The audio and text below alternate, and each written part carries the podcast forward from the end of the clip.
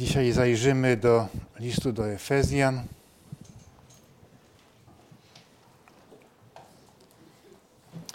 Rozdział czwarty od 22 wersetu. Zewleczcie z siebie starego człowieka wraz z jego poprzednim postępowaniem, którego gubią zwodnicze żądze.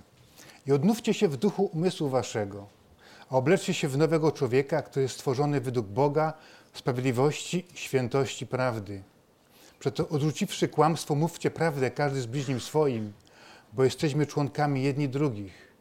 Gniewajcie się, lecz nie grzeszcie. Niech słońce nie zachodzi nad gniewem waszym. Nie dawajcie diabłu przystępu. Kto kradnie, niech kraść przestanie, a niech raczej żmudną pracą własnych rąk zdobywa dobra, aby miał z czego udzielać potrzebującemu. Niech żadne nieprzyzwoite słowo nie wychodzi z ust waszych, ale tylko dobre, które może budować, gdy zajdzie potrzeba, aby przyniosło błogosławieństwo tym, którzy go słuchają. A nie zasmucajcie Ducha Bożego Świętego, którym jesteście zapieczętowani na dzień odkupienia. Wszelka gorycz i zapalczywość, i gniew, i krzyk, i złorzeczenie niech będą usunięte spośród was wraz z wszelką złością. Bądźcie jedni dla drugich uprzejmi, serdeczni, odpuszczając sobie wzajemnie, jak i wam Bóg odpuścił w Chrystusie. Wiecie, ciekawa jest historia tego zboru. Bo kiedy tak byśmy zajrzeli do Biblii, możemy zauważyć, że Pan wielokrotnie tego zboru, tych ludzi przemawiał. Wielokrotnie kierował do nich swoje słowo. Za pierwszym razem, można powiedzieć, kiedy Paweł był w Efezie, głosił Ewangelię, osobiście był w tym zborze, a potem, kiedy spotkał się ze starszymi zboru. Drugim takim etapem, można powiedzieć, jest to słowo, przez które Pan mówi do tego zboru. I jeszcze raz Pan do tego zboru skierował swoje słowo osobiście, kiedy napisał list ręką apostoła Jana, o którym czytamy w Księdze Objawienia. Więc można wyciągnąć wniosek, że choć wszyscy potrzebujemy takiej ciągłej społeczności z Panem, z Chrystusem, to ten zbór tak bardzo potrzebował słów, jakie były do nich ciągle kierowane. I widzicie w fragmencie w Dziejach Apostolskich w 20 rozdziale, kiedy Paweł spotkał się ze starszymi tego zboru, mówi, że nie uchylał się od głoszenia im całej woli Bożej. Więc nie może być tak, że pewnego dnia przyjdzie do nich człowiek, czy do was człowiek i powie, no tak, rzeczywiście Paweł głosił wam Ewangelię łaski Bożej, ale widzicie, zawsze pewne zmiany. Y, nie przewidział Paweł tego, że jednak czasy się zmienią. Zmieni się ludzka mentalność, czy nawet postrzeganie moralności.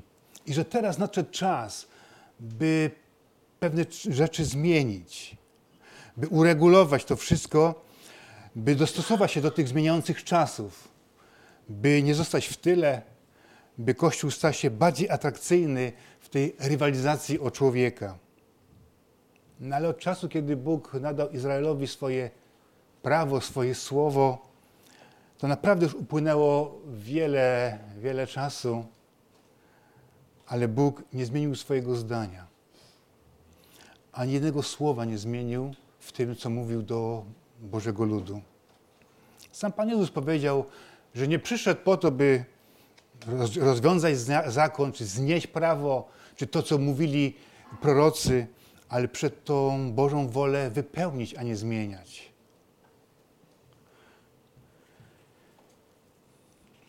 I Paweł ostrzega tamten zbór, i starszy tego zboru, że tacy ludzie będą przychodzili do kościoła i będą starali się coś zmienić pod płaszczykiem tego, że trzeba się dostosować do zmieniających się czasów, by Kościół był bardziej atrakcyjny, by jakoś przyciągnąć ludzi. Nawet mówi, że z pomiędzy was samych powstaną ludzie, którzy będą głosili coś innego niż do tej pory głosił Duch Święty będą chcieli zaoferować coś, co będzie bardziej atrakcyjne i z pozoru lepsze niż do tej pory, niż to, to o czym do tej pory słyszeli.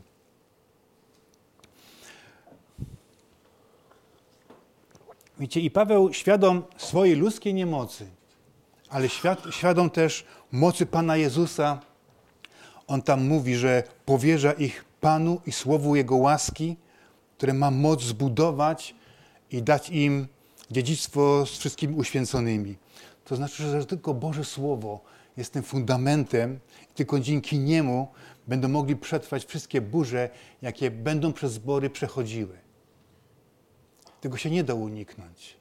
Będą przechodziły i możemy popatrzeć na historię Kościoła, tak się działo.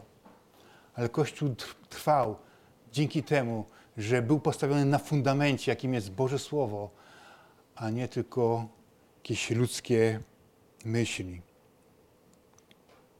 Wiecie, Słowo jest taką łodzią. Kiedy apostołowie płynęli tą łodzią po wzburzonym morzu, kiedy była burza, to, to jedynie mogli się trzymać tej łodzi, aby nie wpaść do tej zburzonej wody. Nie mieli nic innego, nic w zastępstwie, co pomogłoby im przetrwać tą burzę. Tylko Cię Boże Słowo. I Kościół nie ma nic innego, jak tylko Biblię, to, co zostało napisane. Żadne jakieś ludzkie nowości, ludzkie dodatki, ludzkie pomysły na to, by Kościół unowocześnić, dostosować do zmieniających się czasów.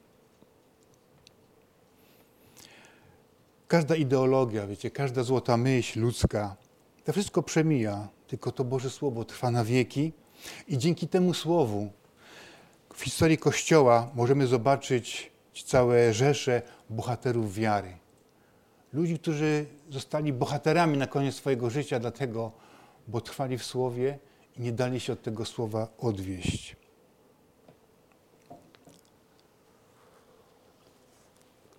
Paweł pisze do nich: Zewleczcie z siebie starego człowieka, a obleczcie się w nowego, stworzonego według Boga.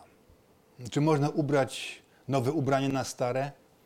No ktoś powie, że można ubrać. Nawierz to nowe, ładne, a pod spodem to, co było do tej pory, takie bliższe ciału.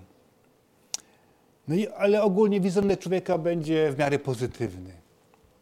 Ale to jest chora sytuacja. Wiecie, to nie jest to chrześcijaństwo, to nie jest ten Chrystus, ale tylko ktoś, kto stara się odegrać taką rolę. To są po prostu groby pobielane, które na zewnątrz wydają się takie, takie czyste, takie świeże, a tak naprawdę w środku jest śmierć.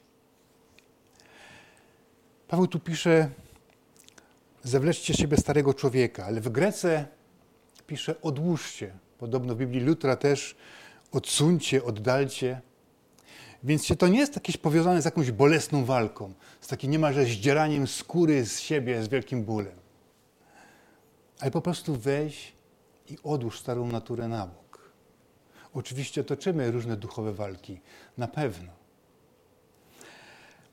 Ale wiecie, kiedy Szapan był kamienowany, to on ani nie złorzeczył, ani nie przeklinał tych, którzy go kamienowali, choć to jest takim naturalnym odruchem człowieka. Ale zachował taki Boży pokój w sobie. Dlaczego? No bo był tym kimś, kto tą starą naturę odłożył na bok. I ona już nie miała nic do powiedzenia w takiej sytuacji. Więc czy możemy, czy możemy tą starą naturę człowieka? No tak, bo to jest w mocy Kościoła. Ludzi wierzących. Dlaczego? Bo są połączeni z głową. Z tym, który kieruje wszystkim. Czyli taką rzeczą naturalną jest, kiedy, kiedy mózg, głowa przekazuje impuls do ręki, by wzięła szklankę, to ona po prostu z tą szklankę bierze, wykonuje tą czynność. Nie trzeba walczyć z tą ręką, żeby coś zrobiła. No chyba, że jest chora, to w takim, takiej sytuacji nie potrafi skoordynować tej czynności. Czujemy, że idzie jakiś impuls do ręki. Po ręka wykonuje to, co głowa nakazała. I są świadectwa ludzi, którzy mówią, że po swoim nawróceniu nagle im gdzieś zniknęła połowa słownictwa. Nie byli w stanie wypowiedzieć wielu słów, wielu przekleństw. Dlaczego? No bo głowa zaczęła kontrolować ich mowę, ich język. Po prostu to się, to się, to się wykonało. Dokonało się coś takiego. Taka przemiana. Paweł pisze, że ten stary człowiek jest niszczony, można też powiedzieć, rozkłada się przez wszystkie porządliwości. Ci ludzie cieszą się i mówią, że używają życia, bo im się to należy, ale tak naprawdę to ich niszczy, to powoduje, że, że gniją, zaczynają gnić. Ale Cię Chrystus przynosi ze sobą nowego człowieka, takiego pełnego życia, który nie ulega rozkładowi, nie jest w stanie się rozłożyć, mając w sobie to życie Chrystusowe. Odnówcie się w duchu umysłu waszego. W Grece pisze, dawać się odnawiać. Że musimy się poddać czemuś. My tego nie zrobimy. Komu? No Duchowi Świętemu, tej społeczności Duchem Świętym. Ludzie, ludzie są nakręcani przez, przez różne ideologie, przez politykę, polityków. Zmienia się ich mentalność, ich myślenie. I tak samo potrafi nas Duch Święty nakręcić pozytywnie. Tylko chodzi o to, że trzeba się Mu poddać, temu głosowi Ducha Bożego, mieć z Nim społeczność cały czas. Odrzućcie kłamstwo i mówcie prawdę sobie. W ogóle mamy nie kłamać. A tym bardziej w kościele. Bo co się będzie działo, jak ucho okłamie oczy, albo oczy okłamią nogi, to takie nogi po prostu nie wiedzą, dokąd idą i nie widzą przeszkód przed sobą. A jeśli ucho okłamie oczy, to oczy nie będą patrzyły w tą stronę, skąd przychodzi jakiś hałas i być może zagrożenie. Widzicie, jak ma funkcjonować taki organizm, takie ciało, jak żyć w takiej atmosferze. Czy taka społeczność jest w ogóle w stanie ostać się przed tymi wszystkimi burzami, jakie apostoł Paweł zapowiadał temu zborowi w Efezie? To się nazywa taką dysfunkcją. No, ciało niby żyje, ale ma niewłaściwe, ma chore odruchy. No i są przykłady w Biblii ludzi, którzy posuwali się do kłamstwa w kościele. Klasyczny przykład Ananiasz i Safira, wielokrotnie już powtarzany. Okłamali Ducha Świętego, okłamali zbór i przypłacili to życiem, umarli. I popatrzcie, co się stało. E, Bóg nie krępował się tego dokonać na oczach całego zboru. Nie martwił się tym, co powiedzą ludzie, że być może będą za bardzo przestraszeni. Dotknął ich i oni umarli na oczach całego zboru. Osądził ich. Podobnie się ma rzecz z Achanem, o którym czytamy w, w, w księdze Jozułego. Człowiek, który zabrał z Jericha płaszcz babiloński i sztabę złota. I może, może to nie było takie wyraźne kłamstwo, ale on oszukał Boga i oszukał ludzi, z którymi szedł do ziemi obiecanej. A przecież oni wszyscy ponosili takie same trudy i taką samą cenę za tą pielgrzymkę do ziemi obiecanej. Chciał się wzbogacić, ale nie w duchu Bożym. Podeptał Cię świętość, jaką Bóg ich otoczył, świętość, która ich tak bardzo oddzielała od tych wszystkich innych narodów, które były wokół nich. I też przypłacił to życiem. I też to Bóg zrobił na oczach całego zboru. Wszyscy mogli to zobaczyć, że Bóg, że Bóg dba o swoją świętość, że Bóg nie pozwoli, by deptano Jego świętość.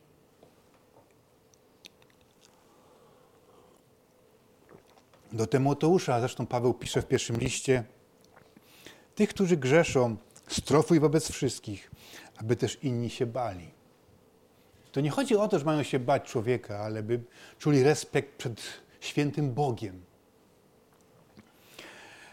Ci Bogiem, który spala wszelkie zło, jak powiedział Pan Jezus, który gdy zabija, ma moc i ciało i duszę zatracić w piekle.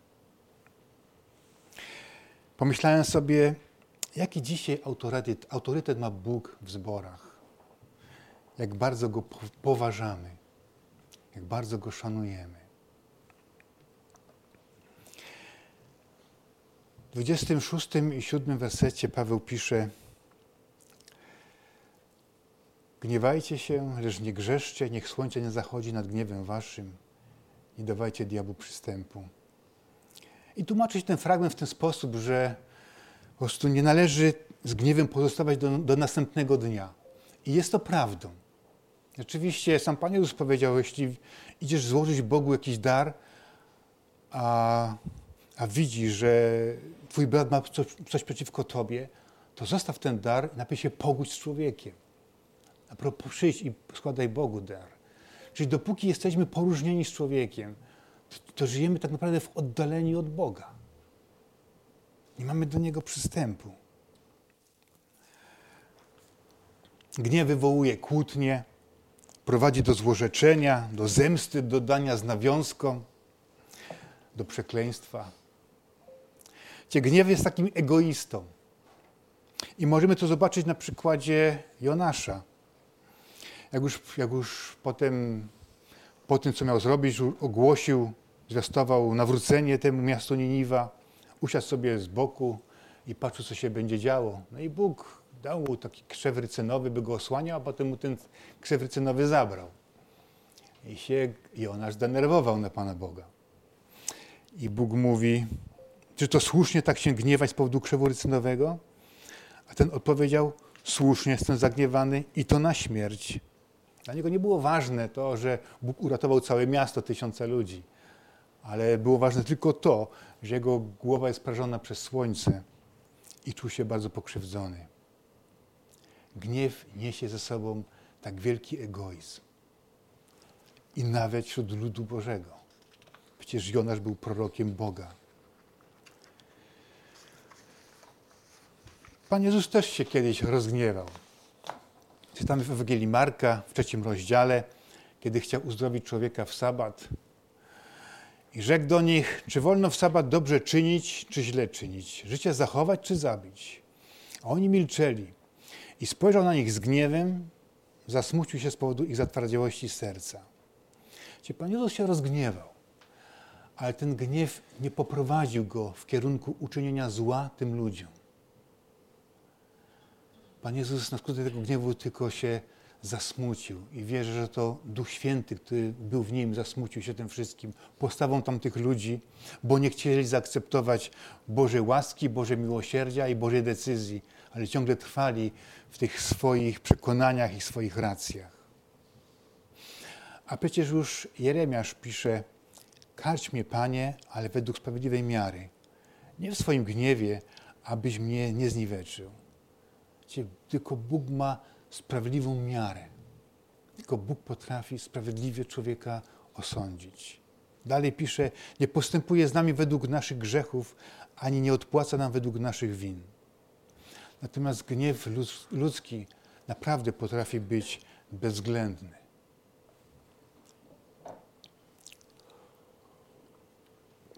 No więc jak, czy możemy się gniewać, a nie grzeszyć? My jako Kościół? Dlaczego Pan Jezus tak reagował? No bo był pełny Ducha Świętego.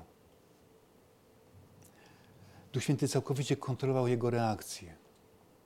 Dlatego nie był w stanie inaczej zareagować niż Duch, niż, Duch Boży. Tak samo jest z każdym z nas.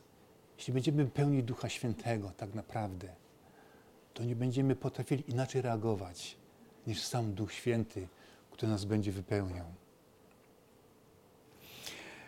No ale jak to zrobić? No i Paweł pisze dalej w piątym rozdziale, pisze, napełniajcie się duchem, rozmawiając z sobą przez psalmy, hymny, pieśni duchowe i śpiewając gajem w sercu swoim Panu. Nie wiem, jak rozumiecie ten, ten fragment, to zdanie, rozmawiając z sobą przez hymny, psalmy. I tu nie chodzi o to, że mamy ze sobą rozmawiać w ten sposób. Tam jest użyte, w Grece jest użyte słowo, które znaczy mówić sobie, mówić do siebie. I na przykład w tłumaczeniu Zaręby pisze tak. W związku z tym powtarzajcie sobie psalmy, sięgajcie do hymnów i natchnionych pieśni. Z tego serca grajcie i śpiewajcie Panu. Więc mamy mówić do siebie, do swojej duszy, tym się napełniać, takim słowem. I podam Wam kilka przykładów. Psalm 42. Czemu rozpaczasz duszo moja i czemu drżysz we mnie? Ufaj Bogu, gdyż jeszcze sławić Go będę. On jest zbawieniem moim i Bogiem moim. Psalm 103. Błogosław dusza moja Panu i nie zapominaj wszystkich dobrodziejstw Jego. 116. Wróć dusza moja do spokoju swego, bo Pan był dobry dla Ciebie. To są fragmenty z Biblii, Bożego Słowa, jakie możemy kierować do naszej duszy, do siebie. Czym karmić swoją duszę i napełniać ją tym Bożym Duchem. Bo można jeszcze do duszy mówić inne rzeczy. Mamy przykład w Biblii, kiedy bogatemu człowiekowi rola przyniosła jeszcze większe bogactwo, jeszcze większe plony. No i myśli, co tu zrobić. Mówi, no pobuduję te stodoły, nagromadzę tego, tego dobra i powiem do duszy mojej, duszo, masz wiele dóbr złożonych na wiele lat, odpocznij, jedz, pij, wesel się. A Bóg mówi, głupcze, tej nocy przyjdę i zabiorę tą twoją duszę. Widzicie, tak bardzo możemy oszukiwać naszą duszę. Mówi się, oszukujemy samych siebie. No tak to jest. Coś mówimy do siebie, do swojej duszy, tym ją napełniamy. Y, w przypowieściach Salomona pisze, z owocu swoich ust człowiek nasyca swoje wnętrze, syci się plonem swoich warg. Możemy się nasycać różnymi rzeczami, tymi bożymi i tymi, które nie mają nic wspólnego z Bogiem. Widzicie, dusza jest czymś żywym. Coś, co reaguje na to, co się dzieje dookoła nas, ma wpływ na nasze zachowanie. Widzicie, dusza to intelekt, nasze uczucia, nasza wola. Pan Jezus przed ręką mówi, smętna jest dusza moja aż do śmierci. To wszystko oddziaływuje na nas, na nasze wnętrze. Jeśli będziesz napełniał duszę tym, co Boże, to ona będzie pragnęła tego Boga. A jeśli ją nakarmimy jakimś fast foodem z tego świata, no to będzie syta i już nie będzie chciała Boga. Tylko to, co, co, co oferuje ten świat. Dlatego też Paweł pisze, tu było cytowane do Filipian, myślcie tylko o czym? O tym, co dobre, co poczciwe, co sprawiedliwe, co czyste, co miłe, co chwalebne, co jest cnotą i godne pochwały. Przecież my jesteśmy otoczeni złymi słowami, złą mową. Wystarczy załączyć telewizor i nas bombardują non-stop, non-stop. I zło, i źle, i niedobrze, i źle, i kłamstwo, i przekręty, non-stop, jedno i to samo. A Paweł pisze nie tak. Myślcie o tym, co dobre, co poczciwe. Tym karmijcie swoją duszę, swoje wnętrze. Nieraz się zastanawiam, jak włączam telewizor, czym dzisiaj będę bombardował swoją duszę. Czym ją na... Czy będzie umocniona w Bogu?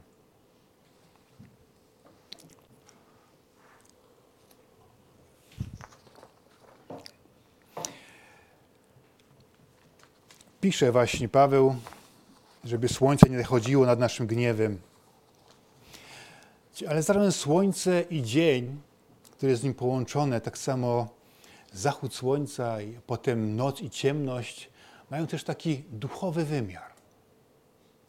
Odnośnie słońca czytamy w księdze Malachiasza, ale dla was, którzy boicie się mojego imienia, zejdzie słońce sprawiedliwości z uzdrowieniem na swoich skrzydłach dla Bożego ludu, gdzie słońce to nie tylko taki zwykły dzień, ale to jest słońce sprawiedliwości i uzdrowienia. Nie jest słońcem, które wszystko wypala, ale jest takim Bożym błogosławieństwem. I powinniśmy żyć właśnie pod takim słońcem, a nie w ciemności gniewu, wrogości, nieprzebaczenia i zemsty. Bo też jest fragment, który mówi o, o zmierzchu i o nocy, i o ciemności. Czytamy o tym w Księdze Sędziów, kiedy pewien Lewita wracając ze swoją żoną do domu, no już zastała ich, zmierzch ich zastał, więc postanowili skręcić do Gibei i tam przenocować. A że nie było dla nich miejsca, więc rozłożyli się w środku tego rynku. I spotkał ich pewien starzec, który też nie był mieszkańcem tego miasta. I ja uważam, że ten człowiek jest symbolem Ducha Świętego. I coś takiego im powiedział. Wtedy odpowiedział ten stary człowiek: Pokój ci, troska o twoje braki to moja sprawa, tylko na placu przez noc nie pozostawaj. Dlaczego? Bo kiedy zachodziło słońce, nastawała ciemność i noc, to z tych domów wychodzili ludzie i czynili zło w tym mieście. Gdzie noc i ciemność to po prostu zło, które się czai w tej ciemności. Więc dlatego Paweł pisze, aby to słońce nie zachodziło nad naszym gniewem. Bo wtedy wejdziemy w noc, w ciemność tego świata, tego zła. Przyjdzie do ciebie diabeł z całym swoim złem. I na pewno to nie będzie dla ciebie czas błogosławiony, czas, którego byś pragnął, którego byś oczekiwał. Dlatego Paweł pisze, nie dawajcie diabłu przystępu. Gniewajcie się, ale nie pozwólcie, nie wychodźcie spod tego słońca Bożej Sprawiedliwości uzdrowienia i nie wchodźcie w tą noc i ciemność zła i diabła.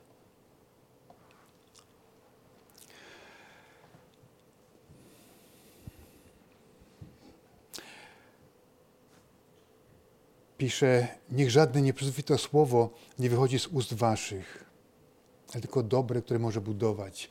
Kiedy Izajasz zobaczył Boga, to czytamy w szóstym rozdziale, to Boga w Jego chwale, na tym wysokim, na tym wyniosłym tronie, zobaczył oszak aniołów, to on nie zawołał Halleluja, chwalmy Pana, tylko zawołał biada mi, zginąłem, bo jestem człowiekiem nieczystych warg i mieszkam pośród ludzi nieczystych warg.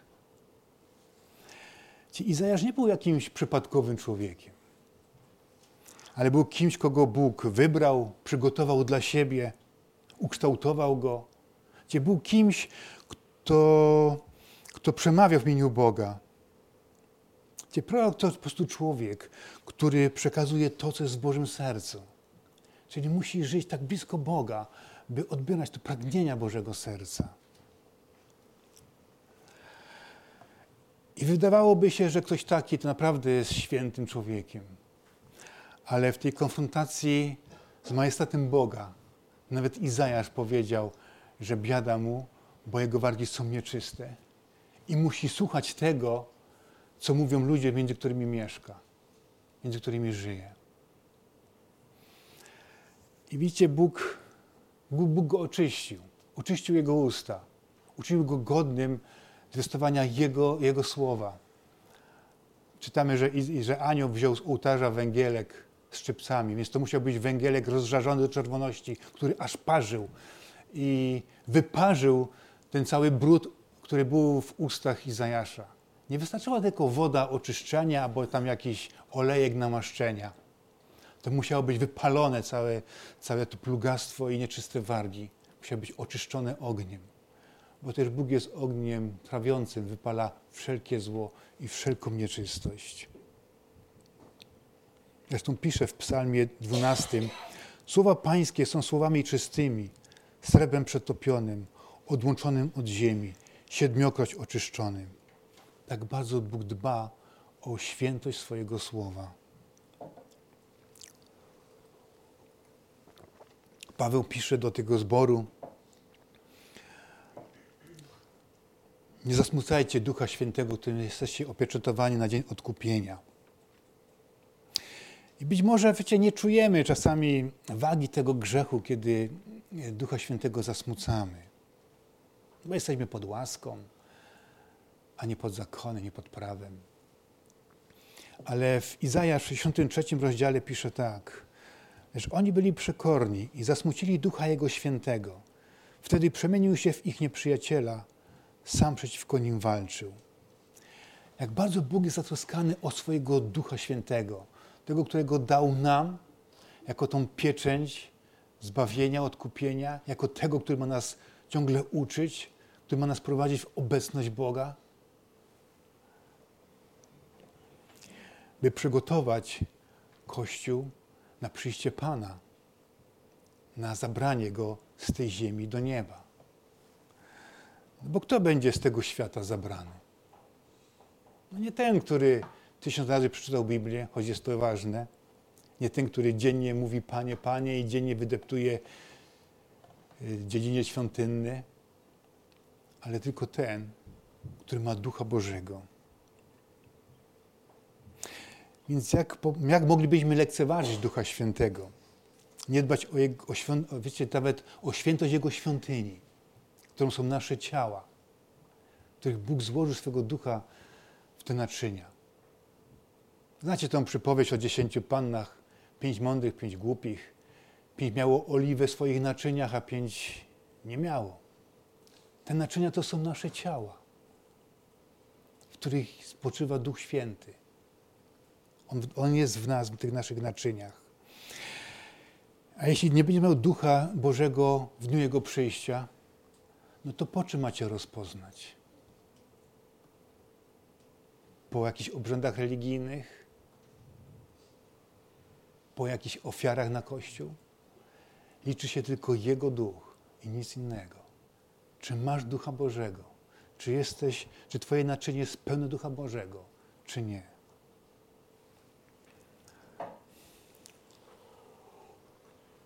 I to wszystko, o czym dzisiaj mówimy, to są rzeczy, jakie Paweł kieruje do tego zboru. Zboru, któremu przepowiedział, że przyjdą burze, że przyjdą wilki i będą starały się rozbić to stado, pociągnąć za sobą owce, zniszczyć je. I mówi, podaje im, tłumaczy im, jak mają żyć, jak, jak mają nie żyć, co mają robić, a czego mają nie robić, czego mają się wystrzegać. Te wszystkie rzeczy mają, miały pomóc temu zborowi przetrwać te burze, które przyjdą na, na do nich. I żeby się okazali na koniec tymi, którzy pozostali pełni wiary, pełni ducha i pełni słowa. Kiedyś słyszałem pewną pieśń i bardzo mnie ujęły pewne słowa tej pieśni, a brzmiały tak. Zobaczyć chcę niebo, tam pełni wiary schodzą się. Pomyślałem sobie, że Pan umówił się z nami na niebo. On nas powołuje, On nas bawia, a potem idziemy i żyjemy w różnych miejscach, robimy różne rzeczy, jesteśmy zajęci różnymi sprawami. Ale niebo jest takim miejscem spotkania. I przyjdzie taki dzień, kiedy Pan zawoła, zawoła na swoich i ci pełni wiary, bo pełni ducha, bo pełni słowa, usłyszą ten głos i to wszystko, co do tej pory robili, porzucą nagle i pójdą, by spotkać się z Nim i z tymi, którzy też tą wiarę zachowali. Ten list Paweł kończy w ten sposób. Niechaj, łaska niechaj będzie ze wszystkimi, którzy miłują Pana naszego Jezusa Chrystusa miłością niezniszczalną. I tak jest w Grece. Niezniszczalna miłość. Gdzie to pisze człowiek, który ponad 15 lat spędził w różnego rodzaju więzieniach. To pisze człowiek, który był znienawidzony przez Żydów, znienawidzony przez nieżydów, był napadnięty, był ograbiony, oszukany, okłamany w różnych niebezpieczeństwach, cierpiał głód, niedostatek, był biczowany, był kamienowany, ale to wszystko nie spowodowało, że zawiódł się na Chrystusie, bo sobie wyobrażał, że będzie inaczej. Ale naprawdę pokochał Go taką miłością niezniszczalną bo nic z tych rzeczy, z tych trudów nie były w stanie zniszczyć Jego miłości do Bożego Syna. Pan Jezus do tego zboru w Efezie pisze tak.